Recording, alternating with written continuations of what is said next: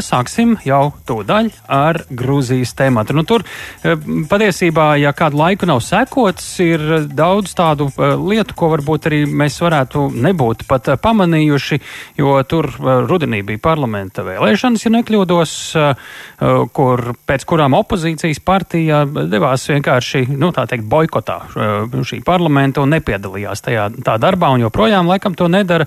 Un tās līderis pagājušajā nedēļā tiesa nolēma, ka būtu būtu jāarestē.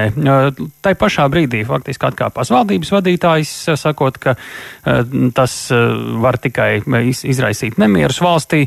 Šodien ir apstiprināts jauns valdības vadītājs un arestēts opozīcijas līderis, un paralēli tam jau notiek pamatīgas grūstīšanās, nemieri un pilsētas centrā, Tbilisī, acīm redzot, un šobrīd Niku, Nika Melija ir tas atslēgas vārds, šis opozīcijas līderis, kurš šodien ir aizturēts, un mēs konsultēsimies tūdaļ par procesiem ar Rīgas Stradiņu universitātes profesoru Eiropas studiju fakultātes dekānu Andris Prūdu. Labdien!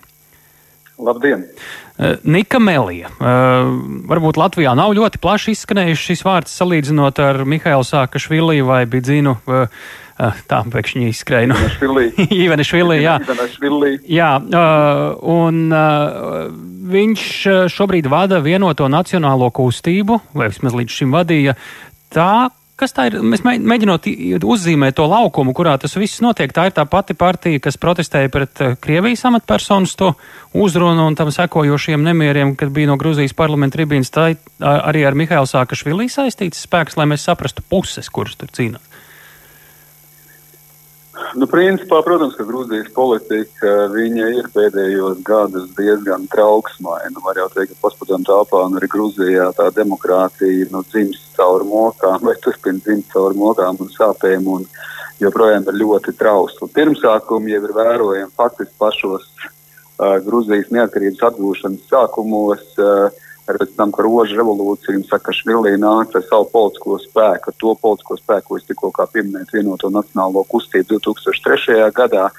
Sākotnēji bija Zinevanišvilī, vēl viens atslēgas cilvēks šī brīža Gruzijas politikas krustēvs bija viņa sabiedrotais, bet eh, viņa ceļi par varu, par naudu šķīrās un 2012. gadā principā viņa bija ļoti sīksti pretinieki, lai netiktu, neteikt arī personīgi ienaidnieki. Un 2012. gadā pie varas nāca šis Grūzijas sapnis, faktiski, ko joprojām turpina vadīt. Kā jau es teicu, Grūzijas politikas krustēvs, dažkārt viņa savas par Grūzijas Monte Cristo kaut kur tur no kalna.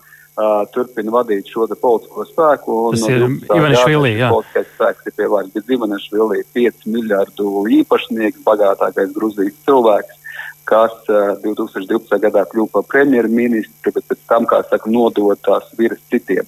Bet reāli striķīši raustītājs, galvenais ietekmīgākais cilvēks, tas ir viņš.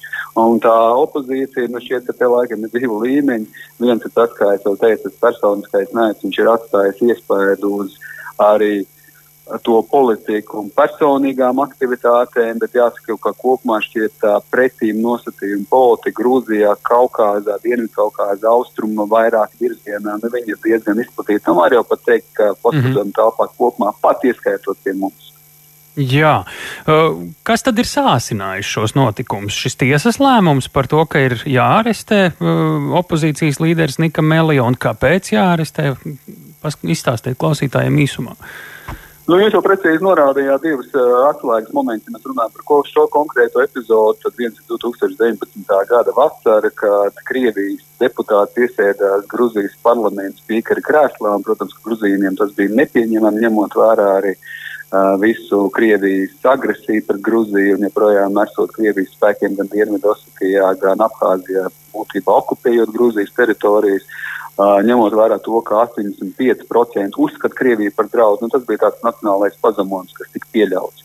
Un, principā, sākās diezgan aktīvi šīs protesta aktivitātes, kurā Nelī bija viens no aktīviem arī nu, līderiem, organizētājiem. 20. gada vēlēšanas savukārt atkal pārliecinoši uzvarēja Bidzina Benašvili partija Grūzijas sapnis Savukārt opozīcija nu, nepieņēma šo rezultātu. Pat ja kopumā starptautiskie novērotāji tā divdomīgu vērtējumu deva, kā no vienas puses ir tāds bijis salīdzinoši konceptuāli kopumā godīgs vēlēšanas, bet tomēr spiediens uz tiem vēlētājiem ir ticis izdarīts. Bet, ja kurā gadījumā opozīcija nepieņēma šo rezultātu, vienkārši uz parlamentu sēdēm neierodās. Vienpartijas parlaments tur šobrīd. Principā vienpartijas absolūti parlaments, bet, nu, jāsaka, ka lielā mērā viņš jau tāds ir bijis. Sakašvilī gadus zem viena politiskā spēka, nu, no 2012. gada zem otru politiskā. Nu, labi, Amerikā arī vada viena partija. Nu. ja viņas no, mainās, tad nav tik slikti, bet.